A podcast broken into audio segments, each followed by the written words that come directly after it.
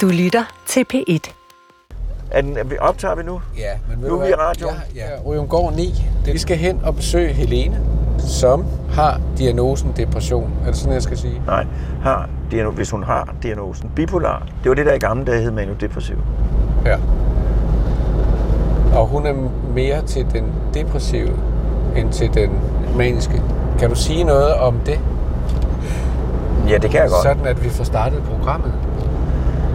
Jamen, øh, bipolar sindslidelse øh, er jo en hyppig sindslidelse, som øh, kan være alvorlig. Den kan være så indgribende i ens liv, at man øh, ikke kan have et normalt arbejdsliv.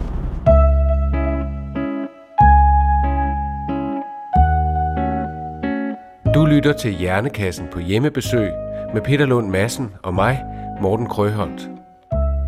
Vi tager rundt og besøger mennesker, som alle har det til fælles, at de har fået en psykiatrisk diagnose.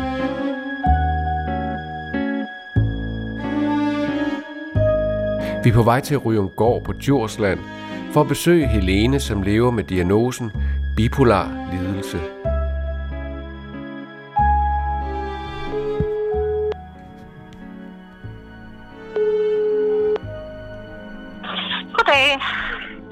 Hej, det er Morten. Ja, det kunne jeg se. Ja, ja det er godt. Ja. Så lykkes det. I Danmark har vi over 450 forskellige psykiatriske diagnoser. Jeg har diagnosen bipolar affektiv sindslidelse type 2. Vi følger nemlig Verdenssundhedsorganisationen WHO's klassifikationssystem af psykiatriske sygdomme. Jeg startede med at få min første sådan, rigtige depression, da jeg var 17. Og så fik jeg så behandling fra min egen læge med antidepressiv og fik det bedre. Men så vendte den tilbage igen året efter. Så egentlig hvert efterår, der kom den tilbage som svær depression igen og igen. Systemet hedder ICD-10 og bliver brugt af sygeplejersker, psykologer og læger som et fælles sprog til at tale sammen om psykiske lidelser. Og hvordan har det påvirket dit liv? Øh, jamen, I, I øh, overtaget mit liv, øh, da jeg blev syg. Jeg har jo jamen, måtte droppe ud af uddannelse og har ikke kunne fastholde noget job, øh, har været ind og hospitalet, øh, har sat at holde forhold. Øh, det er egentlig først her for et par år siden, hvor jeg fik min førtidspension og har fået lidt ro på mit liv, at det sådan har begyndt at køre lidt. Ellers så har det været det, der har præget min hverdag fuldstændigt. Der er en kvart million danskere med en psykiatrisk diagnose. Bipolar, det er, når vi snakker om hyppig sindslidelse, så er det den mest, den mest arvelige. Øh, og det er sådan, at hvis ens enæggede tvillinge søskende har den, så er der 80 procents risiko for, at man selv har den. Min far, han har den og måtte holde op med at arbejde som, jeg tror, 54 år eller sådan noget. Ja. Siden har han været på pension. Hvor stor er min? Øh, den er stor. Ja, for nu skal jeg op til lægen og have undersøgt det. Den er stor, Morten. Ja, Øh, Men hvis, hvis, hvis tvillingerne har 80 procent, hvad så? Jamen, med- det, med er, det, det er viden, der foreligger, som jeg bare ikke er, er, er, er, er i besiddelse af. Som du ikke har læst op på? Ja, det kan du sådan set også sige det. Jeg synes, det andet lyder bedre. okay. Viden foreligger, jeg er bare ikke i besiddelse af. Rødemgård, så er vi her. Flot by. Ja, det er det. Jeg kan, jeg, ved du, jeg kan lugte det, det her område, morgen. Ja. Og det gør mig altid så glad. Jeg kan lugte penge. Det er fordi, det lugter lart, eller hvad? Men fordi du kan se sådan store biler, øh, nye vinduer og velholdte haver, ikke? Ja, sorte penge. Nej, det tror jeg ikke. Det kan jeg ikke forestille mig. Ej, jeg det er tror, flot eng der. Ja, det er sump. Det er sumpmask. Nå, okay. Det, er kan jeg se. Jeg er gammel spejder, det jeg kan da se det. Ja, okay. Det er der målboerne, de har trampet ud Ja. Med, med, tid. med, øh, med store træsker på.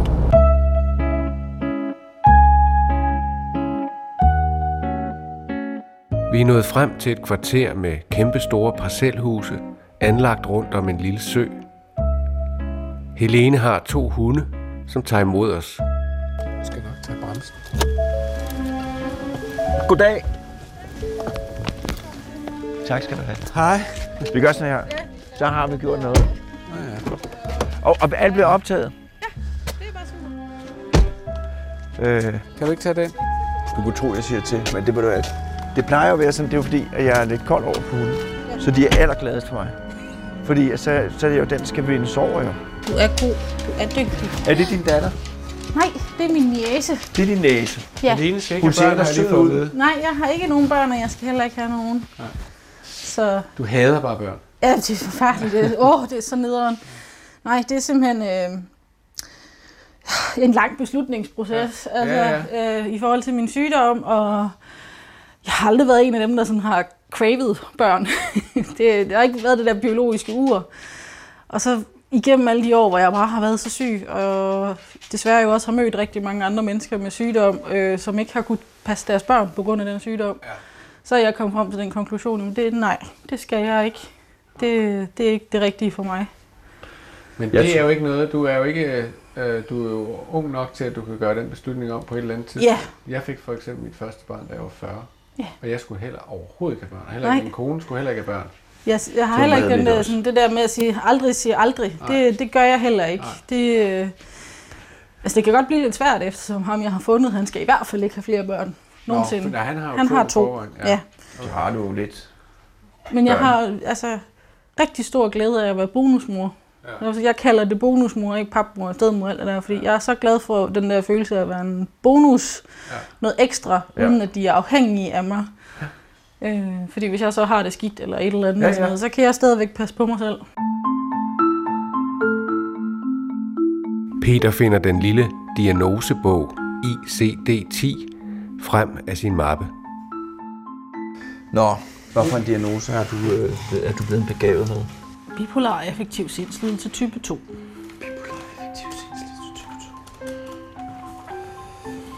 Det er sådan en, man har sagt så mange gange, så det nærmest bliver sådan helt ramt oven i hovedet til sidst. Øh, Affektive sindslidelser. Hypomane en enkelt episode, det har jeg haft. Åh, oh, kæft, der er mange, du. Og man behøver slet ikke at remse det hele op.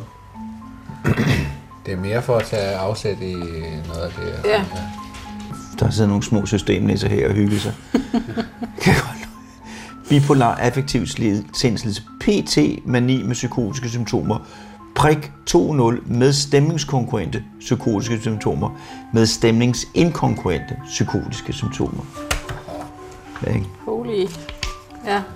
Og så ender den med bipolar affektiv sindslidelse uspecificeret. Det var sådan, Ej. Nå, Ja. øhm, skal vi se her. Psykotiske symptomer har du haft det? Nej. Øhm, og så siger Morten, at du er lidt deprimeret nu.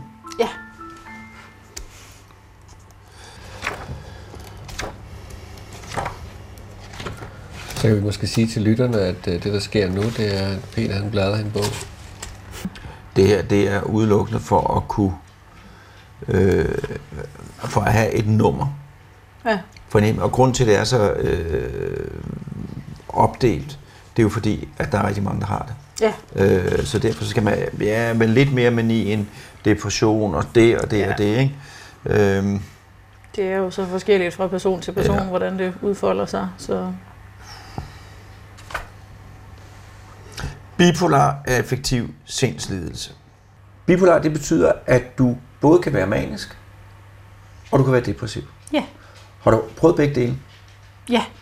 Men min lidelse har været præget af depressioner mest. Ja. Øh, jeg har kun haft øh, to kortvarige hypomanier, og en, der sådan lige lå på grænsen til lidt sværere mani. Øh, ellers så har det været depression, og så det, der hedder blandingstilstand, hvor jeg har symptomer fra begge dele på samme tid. Så i dag, der snakker, kommer vi mest til at snakke om depression. Ja, Men ganske kort her lige inden, altså der, hvor du var allermest manisk, hvordan var det? det er skidskægt. Altså, Var det behageligt? Øh, ja, egentlig mens jeg var i det, så jeg havde jo ikke nogen bekymringer. Det var jo sjovt. Det, der var ikke noget, sådan noget med hæmninger og hvad andre folk tænker. sådan. Det, det er jo lige meget. Det, det kørte jo bare. Det var jo... Ja. Jeg synes selv, jeg var mega sej til alting. Jeg var skide klog, og jeg var faktisk også rigtig pæn. Ved, sådan, de fleste kvinder står altid og kigger i spejlet og tænker, åh oh, nej, der er et eller andet galt. Jeg tænkte bare for satan, det kører det der. Hold kæft, hvor er du lækker. Altså, Det kender jeg godt fra mig selv. Ja. så, så det var mere øh, efterfølgende bagefter, der ikke var så sjove. Men Hvad skete der bagefter? Øh, så vågnede jeg jo, og så fandt jeg ud af alt, hvad jeg havde lavet imens. Og havde lavet nogle ting, som var alvorlige? Øh, det, det, det var alvorligt for mig. Okay.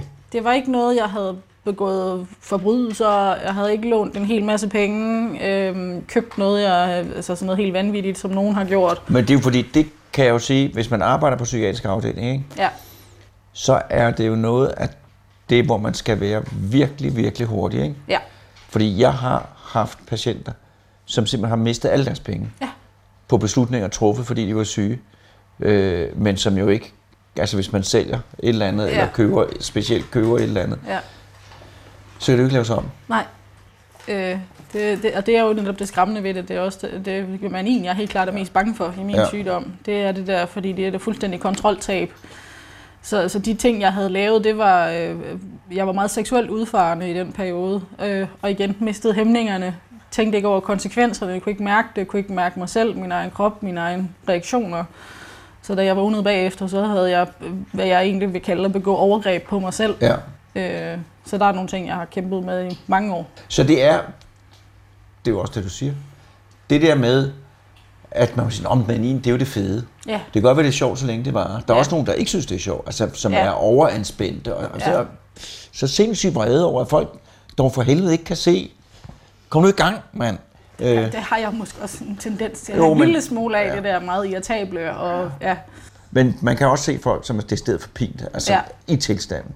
Nå, men det er i hvert fald, som du siger, det du frygter mest, Det er faktisk. Ja. Øh, men, men nu skal vi jo snakke om depression, og der er det jo, der er det jo sådan, at mange mennesker, mig selv inklusive engang, tænker, depression, jamen det er jo bare at være rigtig ked af det. Øh, Ja. Måske i lang tid. Ja. Øh, og hvis jeg bliver lidt mere ked af det, end jeg er nu, så er jeg deprimeret. ja. Er det rigtigt? Det, ja, jeg griner lidt samtidig med, fordi det, det er det jo langt fra. Det,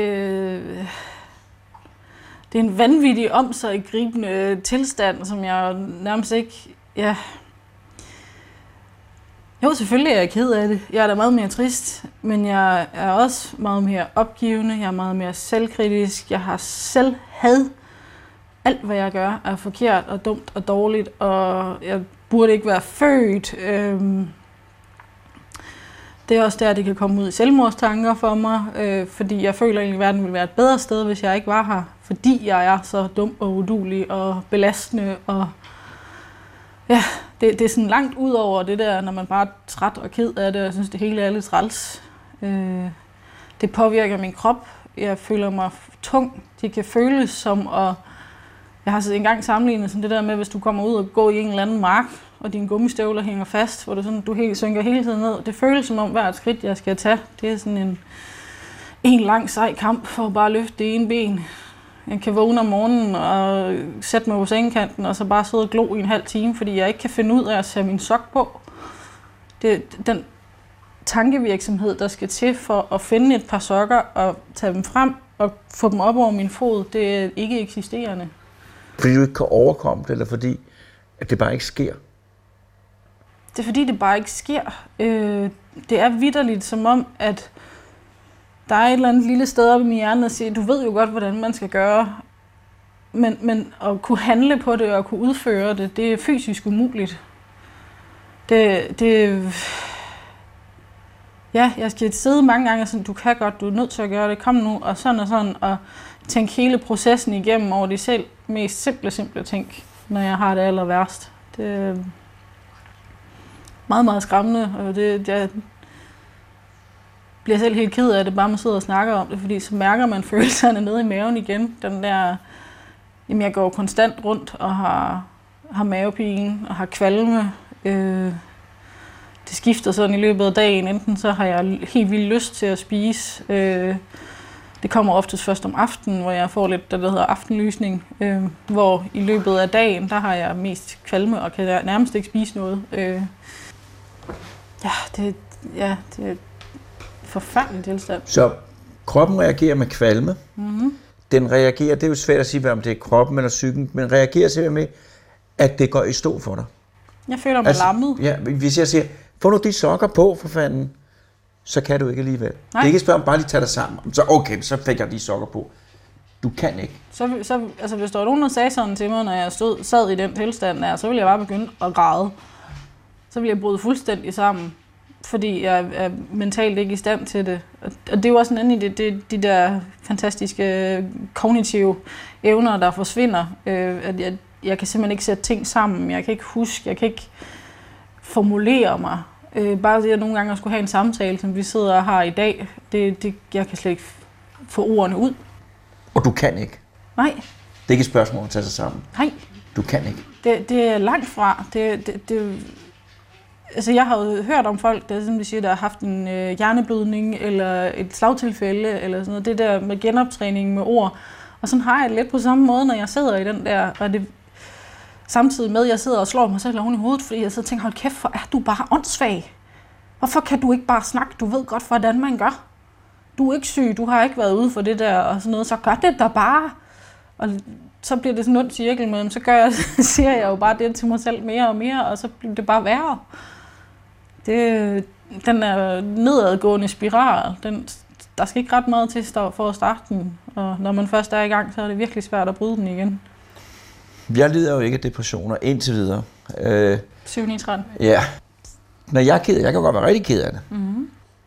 Men så kan jeg også tage mig sammen, hvis jeg skal noget. Hvis kongen ringer og siger, Peter, hvis du kommer op på slottet nu, så får du et korps. Ej, det går vel ikke lige det, men hvis, hvis, øh, hvis, øh, hvis de ringer og siger et eller andet, man skal, mm. så tager jeg mig sammen. Og når jeg så kommer ud og begynder at gøre de ting, så bliver jeg også afledt fra det. Ja. Så det, der adskiller, nu retter du mig, hvis jeg siger forkert, men det, der adskiller depression fra at være rigtig, rigtig dårlig humør, det er, at det tager magten over dig. Ja. Altså, jeg vil netop sige, det, det er jo... Depression har jo også tre trin nedad. Øh, let, moderat og svær. Ja. Øh, og den tilstand, jeg beskriver, det er der, jeg, hvor jeg kalder det svær depression. Øh, det er der, den begynder at tage magten fuldstændig fra mig. Øh, hvor hvis det er en let depression eller en moderat depression, så vil jeg stadigvæk måske kunne noget af det samme, som du siger med at sige, at jeg kan være rigtig ked af det, det er rigtig dårligt, men hvis der sker et eller andet, så kan jeg godt tage mig sammen lige i et kort øjeblik for at gøre det. Problemet er bare, lige så snart jeg så har gjort det, så vender alt det andet tilbage med fuld kraft igen. Så hvis du kunne sige sådan let depression, hvordan er det, hvor meget er det? Jamen det er nok det, du kan sammenligne med, når man føler, man har en rigtig dårlig dag. Ja. Øh, alting går forkert. Der er ikke noget, der lykkes. Det regner. Det er trist. Det er mørkt. Det eneste, du egentlig har lyst til, det er bare at kravle hjem under din dyne, og så bare blive der. Fordi det hele bare ed, øv. Det er den lette depression? Det er den lette depression for mig. Ja. Og forskellen for mig er, det, altså nogen kan have en dårlig dag, for mig det er så, så er det næsten hver dag, det er sådan. Ja. Øhm, og så begynder alting at blive sværere, og hvis jeg skal ud af døren, jamen, så tager det måske lige øh, en halv time at tage mig sammen til at komme afsted, fordi puh, her, jeg kan ikke overskue det, og der er mennesker derude, jeg skal forholde mig til, og begynder at have de der små diskussioner med mig selv oven i hjernen, hver gang jeg skal et eller andet. Det... Og hvis det så bliver moderat, hvordan er det? Så er det sådan lige at op det hele. Så begynder den der meget mere med at komme med det selvkritiske, øh, og til dels også selvhadet. Men, men mere sådan bare, at åh, for helvede, og kan du ikke bare lige, og åh, du er også dum, og igen, kigge i spejlet, så er det den modsatte, ikke? så er jeg jo bare tyk og grim og forfærdelig, og kan ikke, ja, du er ikke til noget.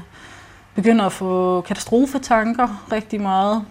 Øhm, for mig der er det ofte sådan noget med, at for eksempel, når jeg står og kigger i spejlet og synes, jeg er tyk, så tænker jeg, så, så kan min kæreste jo ikke elske mig. Og så begynder hele scenariet at køre op i mit hoved om, at nu kommer han hjem fra arbejde, og så og fortæller han mig, jeg du er simp- jeg har tænkt over det. Jeg du, er kan sim- du er simpelthen for tyk. Jeg kan simpelthen ikke, jeg kan, ikke, jeg kan slet ikke klare det. Jeg kan ikke kysse på dig, og du er ulækker, og jeg kan ikke være sammen med dig, og det dur bare ikke. Og jeg kan hele, jeg kan, altså, hvis jeg kører ud på motorvejen, og der er en eller anden, der lige laver en hasarderet overhaling, jamen, så kan jeg se hele uheldet foran mig, hvordan det sker. Øh, så det er den der ufattelig negative, uhyggelige verden, hvor det hele bare er sort og kun kan ende i kaos og død og ødelæggelse. Altså, Og så det sidste trin, hvor det, Det- går ud over kroppen, og hvor ting virkelig ja, konkret går i stå mere hvor og jeg mere. Ikke? decideret ikke kan noget. Jeg har jo haft en, der var så svær, så jeg lå og var indlagt på psykiatrisk hospital og stirrede ind i en væg i 6 uger, 6 eller 8 uger.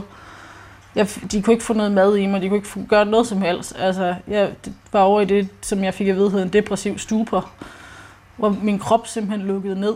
Jeg tabte mig 8 kilo, altså, fordi jeg kunne bare ikke noget som helst. Øhm, så det var, bare, det var først, da jeg så fik ECT, at jeg kom ud af den. Ja. Det, Så, så, så det, man i hvert fald skal vide, det der med depression, hvis den bliver svær, så kan den blive så svær, at man ligger og stiger ind i en væg. Ja. Uden at kunne spise. Må jeg spørge, hvad er SET? ECT, E det er det, der står for elektroshock. Nå, ECT, sagde Ja. ja. Okay. Ja, så, ja. ja. Det går vi tilbage til senere. Ja. Elektrostimulationsbehandling.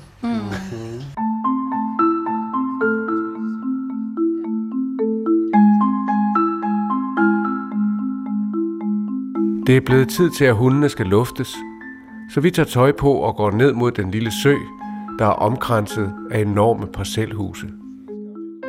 Jamen, du skal nok komme med, skat. Ja. Du skal nok komme med. Jamen, du skal nok komme med. Det er et par søde hunde. Ja, det synes jeg også. Og jeg tror, jeg er ved at blive, øh, jeg tror, jeg er ved at blive øh, hunde, hunde overbevist, fordi jamen, jeg, jeg, jeg møder hunde, som jeg godt kan lide. I, I gamle dage, der var det mere sådan. Pax, det er jo simpelthen for dumt. Pax. Jamen, han er, han er så åndssvag på det punkt der.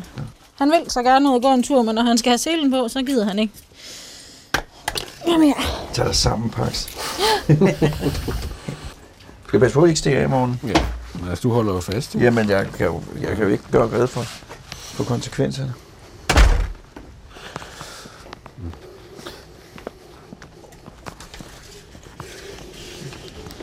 Ej, hvor er det flot flag, du har på siden. Ja. Og der skal ikke låses. Nej, det plejer vi ikke at gøre. Ikke når vi bare lige skal rundt Det er det, jeg er jo begyndt at gøre i København. Nej, det har jeg ikke gjort længe i København. Jamen nu er vi jo så... øh, Nu skal vi jo gå tur der, hvor du bor. Jeg synes jo, det er fantastisk, at I har... Ja, de er ved at udrydde skuret siden af. Ja. Goddag. Jeres egen sø. ja, det er mega lækkert at have søen her. Hold kæft, mand. Ja. Har vi badet i sommer? Ja. Er den, hvad, blev hvad ved den? Vi har badet i den i sommer. Ja. Det, det. Har vi kæmpe store øh, badedyr. Hvor dyb er den? Øh, hvad er det, min kæreste sagde? 1, Nej, det var vist to meter på det allerdybeste sted, Okay. men de fleste steder er den omkring halvanden. Og er det slim nede på bunden, eller er det... Det er rimelig slimet, ja. Det er sådan noget sandet lerbund, Nå, det som er bliver sådan helt... Vi har bare sådan nogle badesko, vi har på, når vi... Så, så er det dig, der skal bestemme, hvilken vej. Ja, det er så... Og det er jo så hundene. Wow, jeg er fanget. du fanget i snor. Pax, kom nu her. se, Kom se, nu. vi er vi er ude gå tur med to hunde.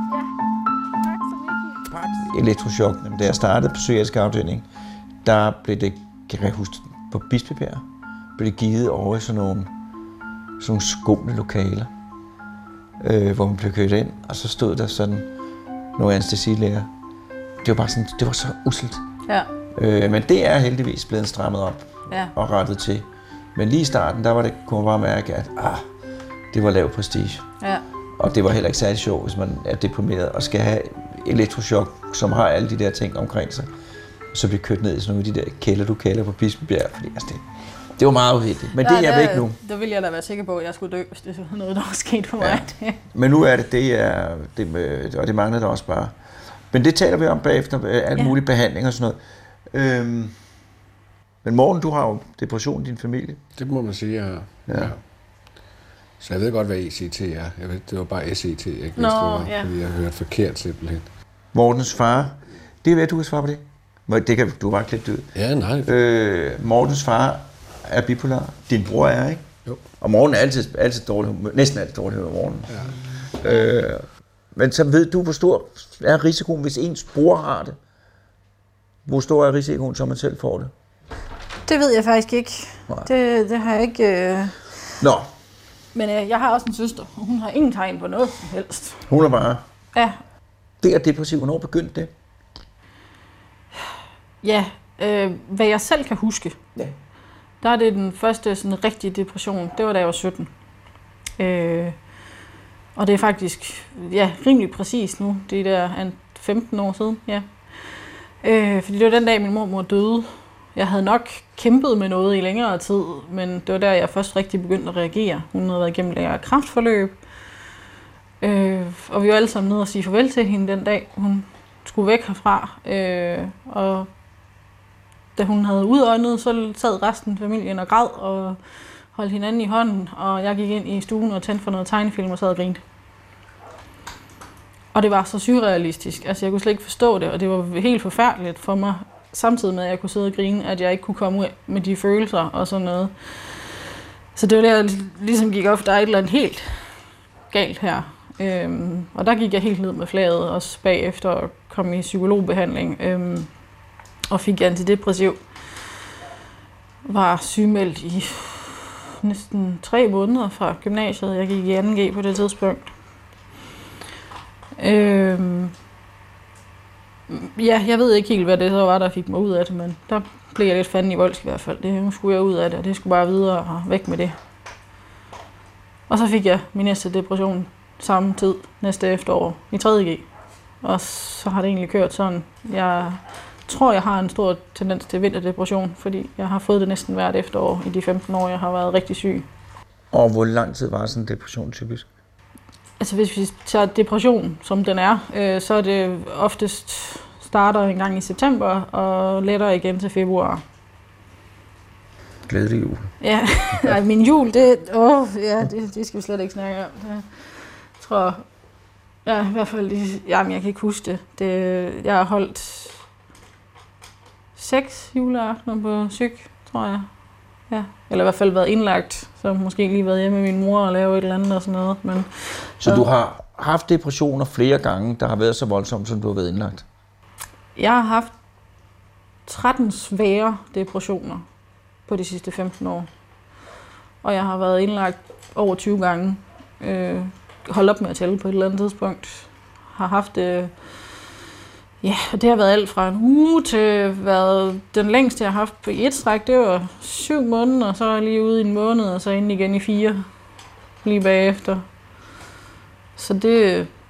Ja, det har været mange svære depressioner. Så du, du er hårdt ramt af depression simpelthen? Har været det indtil nu? Jeg vil sige, har været, ja. ja. Øh, heldigvis virker det til at gå bedre nu. Det ja. har lige noget depressiv pt, men, øh, men ja. Inden du blev deprimeret første gang som 17 år, Mm-hmm. hvordan var dit liv så? Var du, var du specielt barn, eller? Jeg har altid været et følsomt barn. Det er vi mange, der har været. Ja. Og min mor mener også, at jeg måske har haft en børnedepression, da jeg var en 4-5 år. Øh, det er jo sådan noget, man først kommer i Ja, tanke det- om ja, bagefter. Ja. Øhm, jeg har altid været meget sensitiv. Øh, Og det var sådan, hvis folk sagde noget til dig, så blev du ked af det og sådan noget. Ja, øh, og haft nogle gange lidt svært ved at aflæse andres øh, følelser, samtidig med egentlig været meget sensitiv over for følelser, og nogle gange kunne mærke nogle ting, som folk ikke sagde. Og jeg skiftede skole i 8. klasse, fordi jeg havde det rigtig dårligt i den øh, klasse, jeg gik i, og det, på det tidspunkt synes jeg, at det var dem, der var dumme alle sammen. Og når jeg kigger tilbage bagefter, så var det jo nok egentlig mine reaktioner, der gjorde, at jeg fik de reaktioner fra dem, de mennesker. Øh, der Men var der. er det også alle de andre, der er dumme. Det er det også, og jeg, det behandlede mig heller ikke særlig pænt. Men som man nok så kigger tilbage, så kan man godt se, at jeg har måske fremprovokeret rigtig meget Ja. ja. af det. Øh, på den måde, jeg så har været. Øh, men samtidig har jeg også været et rigtig glad barn, og jeg har elsket at gå i skole. Har altid fået at vide, at jeg var enormt veltilpasset i skolen, og øh, ja, jeg tror, min mor sagde på et tidspunkt det der med, at, at de har fået at vide til mange skolehjemsamtaler og sådan noget, at, at jeg var egentlig sådan en leder i klassen, øh, men på en naturlig måde, og noget, der fungerede for de andre. Jeg var ikke sådan en bully. Jeg var bare sådan naturlig Ja, Har du haft en lykkelig barndom, vil du sige? ja. Jeg har haft de ting, jeg skulle bruge. Jeg har haft to forældre, jeg har, jeg har alt, vi har ikke manglet noget.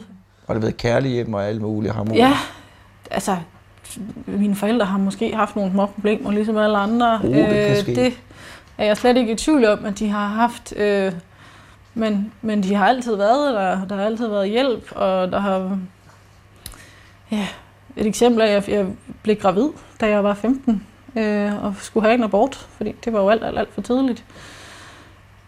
Og der kom jeg jo i en familie, hvor det, det, det var fint. Så snakkede vi om det, og havde en mor, der var med ude og holde mig i hånden, og mine bedsteforældre snakkede med mig om det, og hvor man jo hører fra mange andre, at det er puh her, så bliver det hele udskammet, og så jeg føler, det jeg har... for min kones mor, Ja, da hun fik min kone. Hun blev smidt ud af gymnasiet, og faren talte ikke til hende i to år.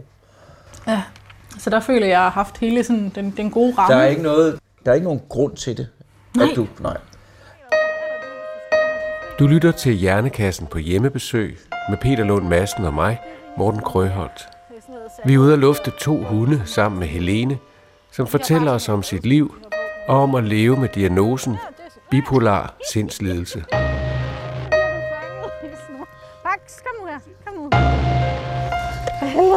Vi er ude og gå tur med to hunde. Ja, Pax og Miki. Pax, som er... Jeg må jeg prøve at beskrive din hund? Ja. Det vil sige, Pax, som er, gør et meget venligt indtryk. Ja, Men også, skal man sige, ungdomlig og lidt overivrig. ja, Og så er der en anden meget venlig hund, ja. som det har, har mere moden præg. Men som, er Det meget, jeg, som det- er det- meget glad for at tisse. Det kan godt være, det er det der med, at de minder om deres ejere, fordi Miki, han er faktisk kun et halvt år ældre end Pax. Er det rigtigt? Ja. Ja, der må jeg sige, der er Pax, der, der er Pax øh, opretholdt sådan lidt mere umiddelbar tilgang til tilværelsen. Ja, han er en glad ja, hund, kan ja. man se. Det er han. Men Pax, han er jo så også vokset op hos min kæreste. Ja. Så der er lidt mere gang i tingene. Ja. Og Miki, han så er vokset op ved mine svigerforældre, hvor tingene går lidt mere langsomt. Ja. Så jeg tror, at vi Det er simpelthen det, bliver præget af det.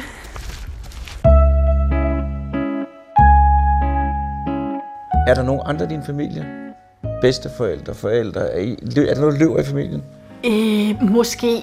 Øhm, jeg er den første, hvor der sådan er blevet sat ord på det. Ja. Så der har været noget med, der vist nok var en tante, som var meget farverig og kørte lidt hurtigt en gang imellem og sådan noget. Så måske har hun haft noget, og altså Men- min men det er- morfars tante. Og, Ja. Men det er jo sådan, at det er jo så hyppig en sygdom.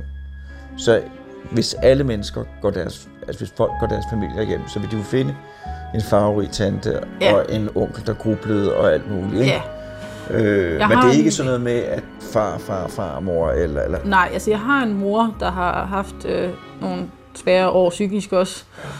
Men hvor det er lidt, altså hvad hun, hvad hende, om hun har en diagnose, eller om det har været en stressrelateret belastningsreaktion, eller, men, men hun har i hvert fald noget, der en samme... tegner sig sådan. Der er ikke nogen sådan, hvor man lige kan sidde og tænke, der er bipolar, bipolar, bipolar, bipolar. Øh, der er overhovedet ikke, nej. Jeg har bare været fucker uheldig. Hvordan har forløbet været? Du siger, at, at det går bedre nu, end det gik før. Ja, for, hvad er det nu, tre år siden? Ja, allerede, puha. Der fik jeg førtidspension. Og det har jo hjulpet helt vildt.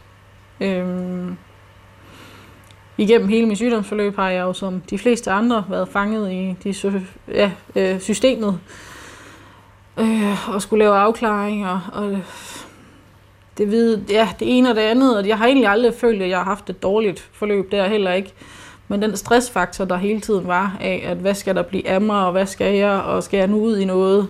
Og hvad er det, der sker? Hvad er det konkret for et forløb, du er igennem? Kan du give sådan, fordi det er noget, man tit hører om. Men hvad er det konkret, man, man skal igennem, når man er i sådan en afklaringsforløb? Jamen, det er jo øh, forskellige praktikker øh, og arbejdsprøvninger. Øh, om det, jeg har også prøvet, hvor, det, hvor jeg fik lov at starte på noget uddannelse. Øh, simpelthen for at prøve at, at se, hvor meget kan jeg, kan jeg noget? Har jeg nogen som helst arbejdsevne? Øh, så jeg har altså har igen et godt forløb med mange, der har været villige til at prøve alt muligt forskelligt. Jeg har fået lov at være ude på en hundepension. Jeg elsker dyr overalt på jorden. Og jeg har været i kort forløb ude på galopbanen i Aarhus. Øh, og fordi jeg elsker heste. Så det, jeg har sådan fået nogle rigtig gode muligheder for at prøve at komme ud og prøve af. Øh, Og hvorfor er det så ikke gået alligevel? Oftest fordi jeg ville mere, end jeg kunne. Øh, jeg har været min egen værste fjende i det her forløb her. Det har taget mig rigtig mange år at acceptere, at jeg er syg. Øh, og at jeg ikke bare kan fikse den sygdom og gøre det, jeg vil med den sygdom. Men at jeg er nødt til at acceptere, at den er der, og så handle ud fra de præmisser, den så giver mig. Jeg har igen det der cykliske, at så har jeg fået det bedre i foråret, så nej, nu skal jeg starte på HF, øh, for at se, om jeg kan færdiggøre min øh, HF-eksamen, og super godt at få meldt mig ind, og sådan noget. Problemet er, at det starter jo i august, og så starter jeg på det, og så får jeg hævet og slidet mig igennem, og uh, jeg skal bare, og så ender jeg ind, har jeg ind på psyk. Altså, øhm, fordi jeg vil så gerne. Jeg, Og du kan simpelthen ikke. Nej, Ligegyldigt hvor meget man gerne vil, så kan du simpelthen ikke. det kan jeg bare ikke. Jeg bliver så syg af det. Ja. Den mindste smule pres og stress, det, det, det jeg bukker under med det samme.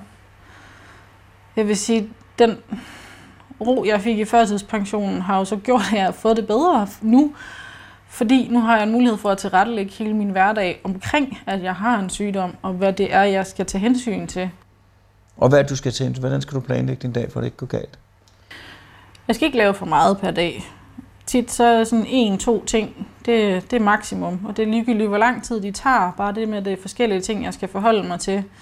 Og jeg skal planlægge min uge, sådan så jeg har nogle åndehuller.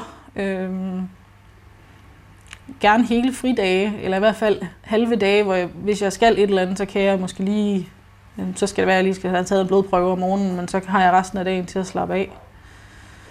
Øh, og igen også planlægge mine måneder, øhm, så det ikke lige pludselig er tre weekender i streg, jeg skal et eller andet.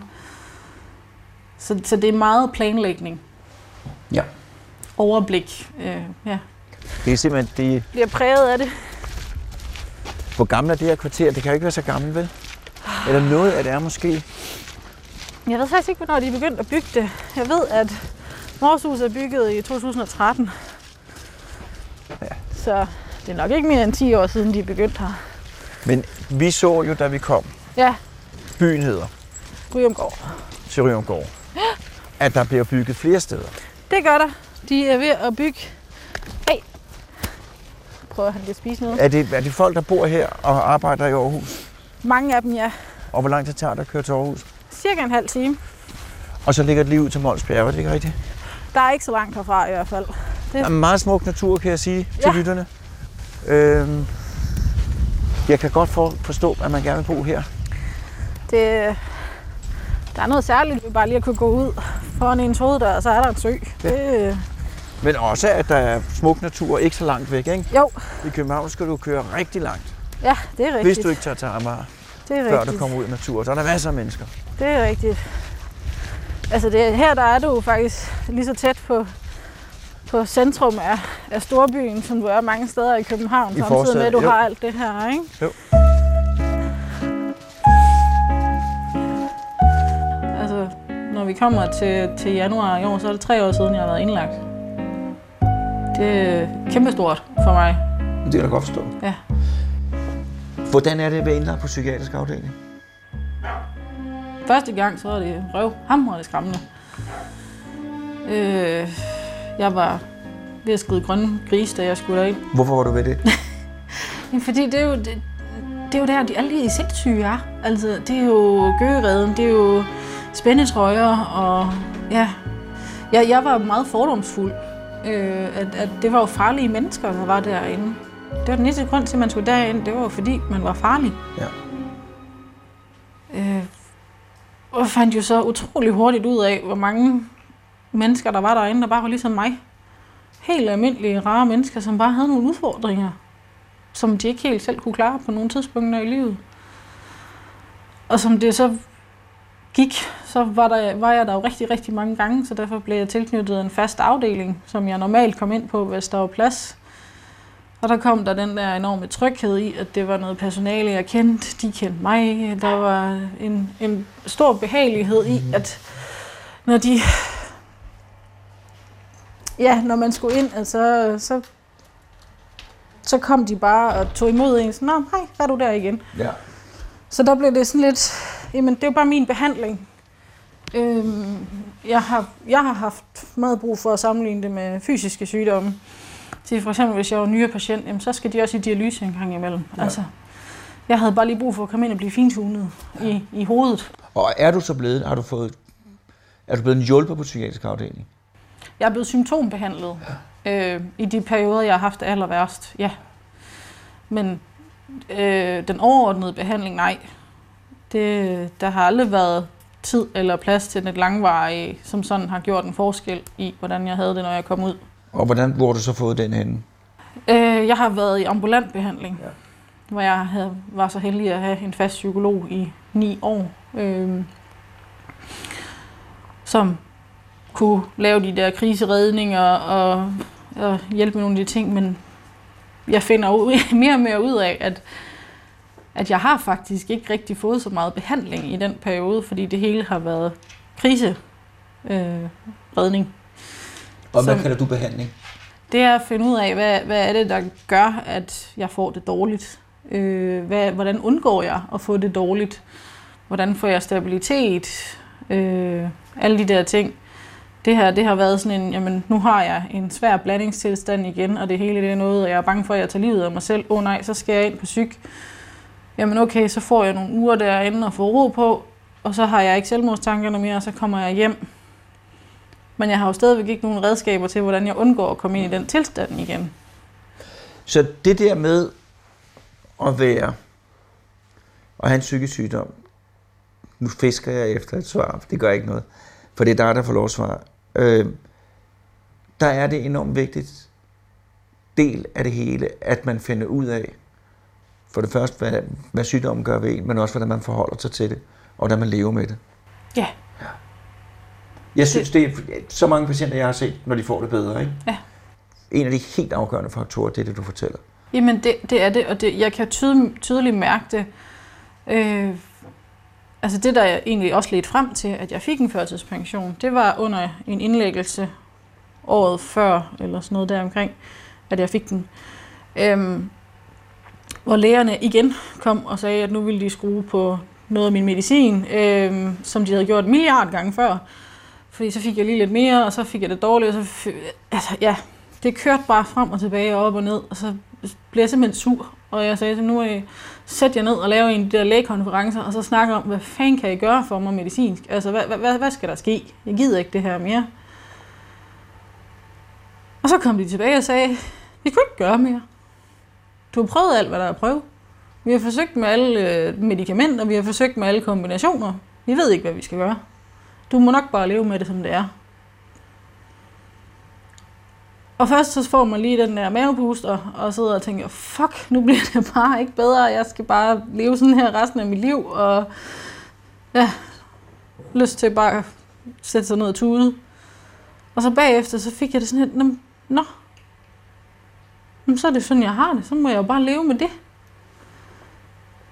det er jo ikke, så er det jo ikke min skyld, at jeg ikke får det bedre. Fordi lægerne kan ikke gøre det heller ikke. Jeg har hele tiden troet og følt, at jamen, jeg må kunne gøre noget for at komme ud af det her. For at få det bedre, for at blive mere produktiv, for at kunne få et flexjob, for at kunne et eller andet. Men det der med, at lægerne faktisk sagde, at vi har prøvet alt, hvad vi kunne, vi har gjort alt, hvad vi kan for at hjælpe dig. Der er bare ikke rigtig mere at gøre nu. Det var sådan helt befriende. Det er ikke min skyld, det er ikke min fejl. Fordi hvis lægerne ikke kan gøre det, så er det heller ikke så mærkeligt, at jeg ikke kan. Øh, så den, det der med bare at slutte fred med, at jeg er syg. Sådan er det. Og så, så må jeg leve mit liv efter det. Det er pisse hårdt, og jeg bliver også lidt ked af det, når jeg sidder og snakker om det. Øhm, fordi det er jo ikke sådan, jeg ønsker, det skal være, og det er det stadigvæk ikke. Men hold kæft, hvor har jeg fået det meget bedre, efter jeg gjorde det. Altså, det, det var også der, jeg virkelig gav efter og sagde, ja, det er en pension, jeg skal have. Jeg er jo blevet tvunget til at søge det før, øh, fordi andre mente, at det var nødvendigt, men jeg synes jo ikke, det var det, jeg skulle. Men det, at jeg selv gav efter, gjorde, at jeg så også fik den. Øh, og pt. der kan jeg jo så meget mere, end jeg har kunnet i ja, de sidste 15 år. Øh, og jeg kan være der for nogen, og jeg kan være noget for nogen. Øh, og kan have et bare stille og roligt liv. Og al den der tid, jeg har følt mig som en kæmpe belastning for samfundet, og alle de penge, der blev brugt på mig. Og kæft, jeg er stresset over de penge, der blev brugt på mig, altså. Jeg synes, det var pinligt.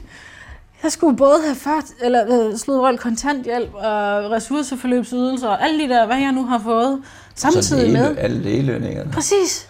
Samtidig med, så skulle de jo betale for min ambulante behandling, og det kostede, jamen, en eller anden, der sagde til mig en dag, det kostede 3.500 i døgnet at have mig indlagt. Hvem sagde, var det, hvem sagde det? Det var en af de andre patienter. Altså, ja.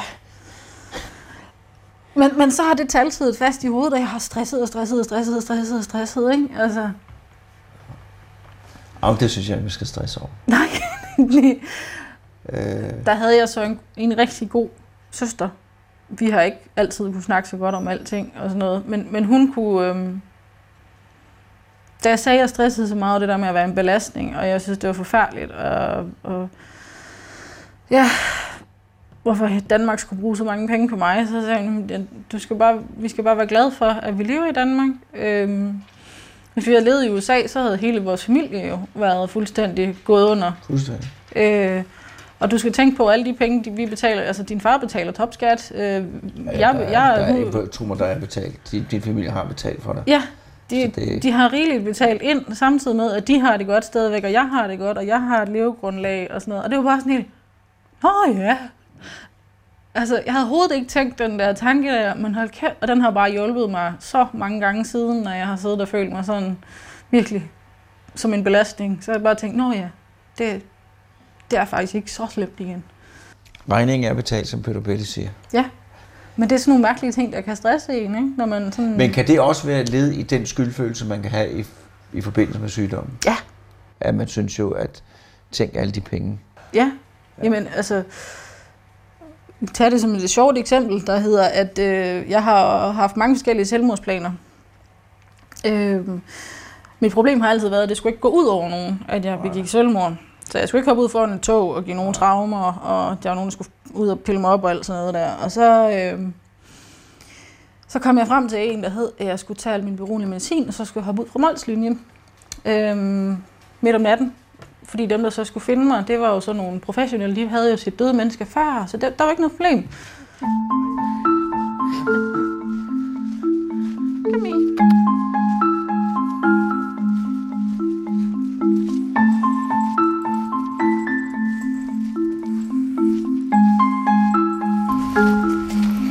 Kender du alle, der bor her? Overhovedet ikke. Jeg har mødt nogle enkelte, altså jeg er først lige flyttet ind her i juni. Okay. Jeg har mødt nogle af dem til noget arbejdsdag og fælles spisning og sådan nogle ting. Thomas der, som er ved at bygge garage, ham kender jeg lidt. Det er jo en meget så- større garage. Eller skur. Jamen, det er hyggeligt herude. Der er også køer over, lige over på den anden side af vejen derovre. Og der kommer ganske tit kaniner, og nogle gange også lidt dårligere forbi. Kan I, vi har jo kun på Sejrø. Og påfugl. Åh oh ja. Fasaner. Rådyr. Du lytter til Hjernekassen på hjemmebesøg med Peter Lund Madsen. Behandling. Du har fået piller. Ja. Hvad er dine erfaringer med det? Øh, Generelt set. generelt set, så, så var det jo egentlig super godt, når jeg startede på det. Øh, så fik jeg det jo bedre, så blev jeg jo gladere. Problemet var jo så bare, at så gik der ikke så lang tid, så begyndte jeg lige pludselig at blive lidt for glad. Øhm, og så kører jeg ind i det der blandingstilstand, øh, som er noget meget mærkeligt noget jo, hvor jeg kan være rigtig depressiv, og så lige pludselig, så pling, så har jeg bare energi og far rundt og gør hele huset rent, og køber alle mulige mærkelige ting. Og ja, der er rigtig mange sjove symptomer der. Så, så de der SSRI, det har aldrig rigtig fungeret for mig. Og heller ikke engang, da jeg begyndte at få stemningsstabiliserende. Der prøvede de også. Så Lithium. jeg får lithium nu, ja. Du får lithium nu. Samtidig med, at jeg får en af de antiepileptiske, deprakinen. Ja. ja. Men selv efter jeg har fået to stemningsstabiliserende, og de så har forsøgt at give mig lykkepillerne samtidig med. Det, mm, Så de der, den der præparatgruppe, som man med et meget dårligt ord kalder lykkepiller, Ja. de moderne præparater, på dig virker de sådan, at, at det laver sådan fuldstændig uorden i systemet. Du kommer både depression og sådan lidt manisk tilstand på samme tid. ja, Så dem tager du simpelthen ikke nu. nej. Men det er jo lidt sjældent. Det er sådan, er det ikke det? Jo, altså jeg har fået at vide, at jeg er rimelig følsom over for dem. Altså Ja. folk med depression generelt har, har jo stort glæde af dem. Ja. Altså, øh, så længe de bliver givet sig med noget terapi, øh, så er det jo en, en super god ting. Men jeg har åbenbart bare vist sig, at jeg er meget, meget følsom ja. over for dem. Øh, så der skal næsten ingenting til, før de sparker mig over i, øh, i den anden boldgade. Og så får du lithium, som jo næsten er en dansk opfindelse. Okay?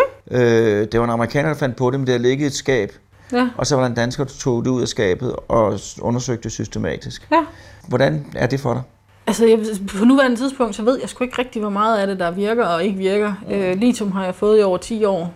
Ja. Øhm, og skal nok være på det resten af mit liv, fordi når man først er begyndt på det, så er det svært at komme helt af igen. Øhm, jeg husker det som, at da jeg startede på det, der skete der noget positivt. Men jeg ved det ikke rigtigt længere. Øh, og jeg siger,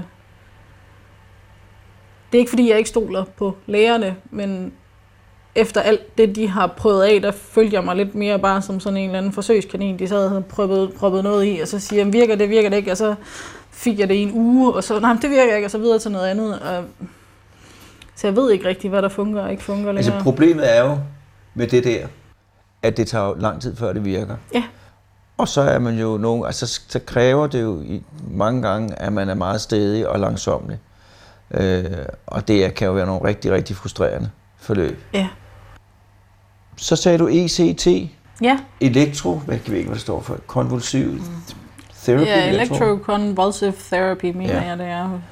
Øh, og det er jo det, lægen kalder elektrostimulation. Ja, Du kalder det elektrochok. ja det er sådan det Øhm, street word. Men det, der jo er sagen i det, det er jo, at man giver et stof, som øh, lammer muskulaturen, man giver et stof, der bedøver ret let, og så med strøm giver man et epileptisk anfald.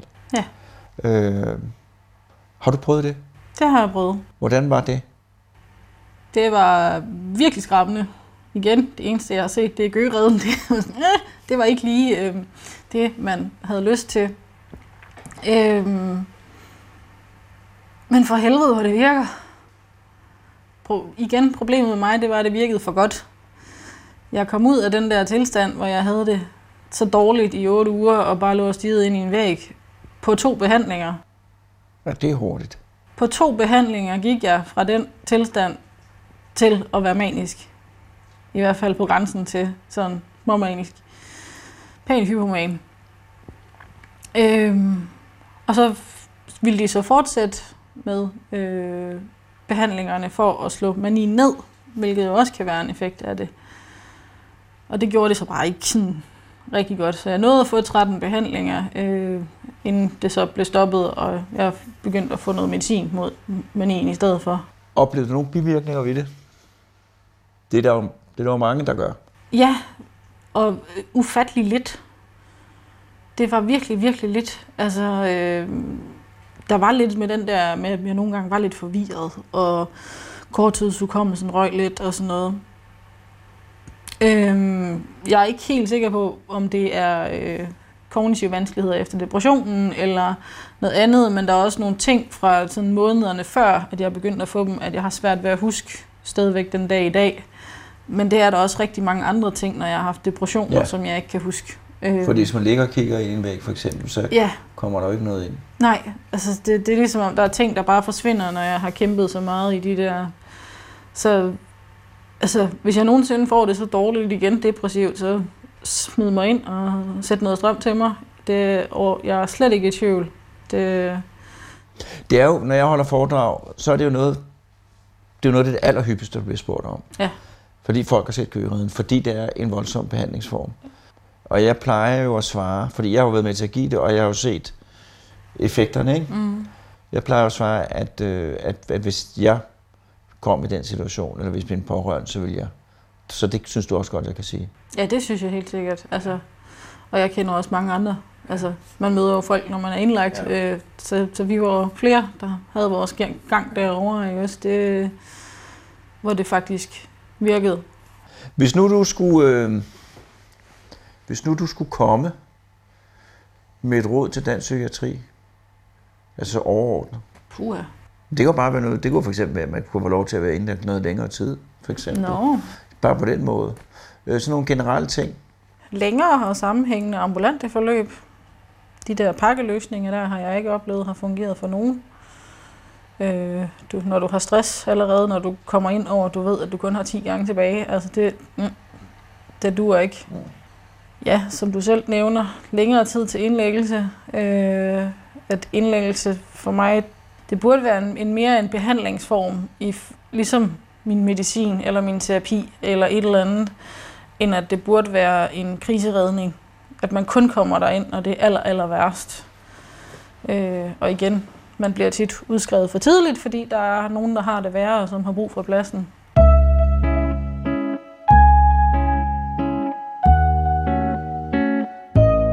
Bak, det var simpelthen en dejlig tur.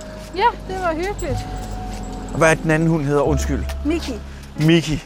Ja. Og Miki, jeg synes, du giver en dejlig ro. Det. Tilfører foretagen en dejlig ro. Nå, Ja, Tak skal du have. Helene, det har været en stor fornøjelse. i lige måde. Hej. Jamen, så må vi videre. Vi må videre på vores ekspedition. Ja, Øh, men altså, indtil nu er det jo nogle øh, meget sympatiske mennesker. det må man sige. Ja. Det Men det ved du, hvad der er sandheden? Nej. Det er langt, langt de fleste folk, hvis man lærer dem at kende. Det er en erfaring.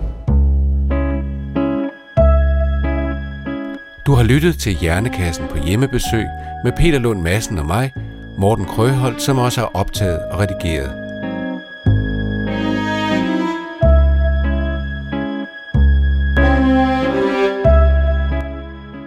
Og musikken er Jens Tolsgaard, Nikolaj Davidsen og som her Jens Lysdal.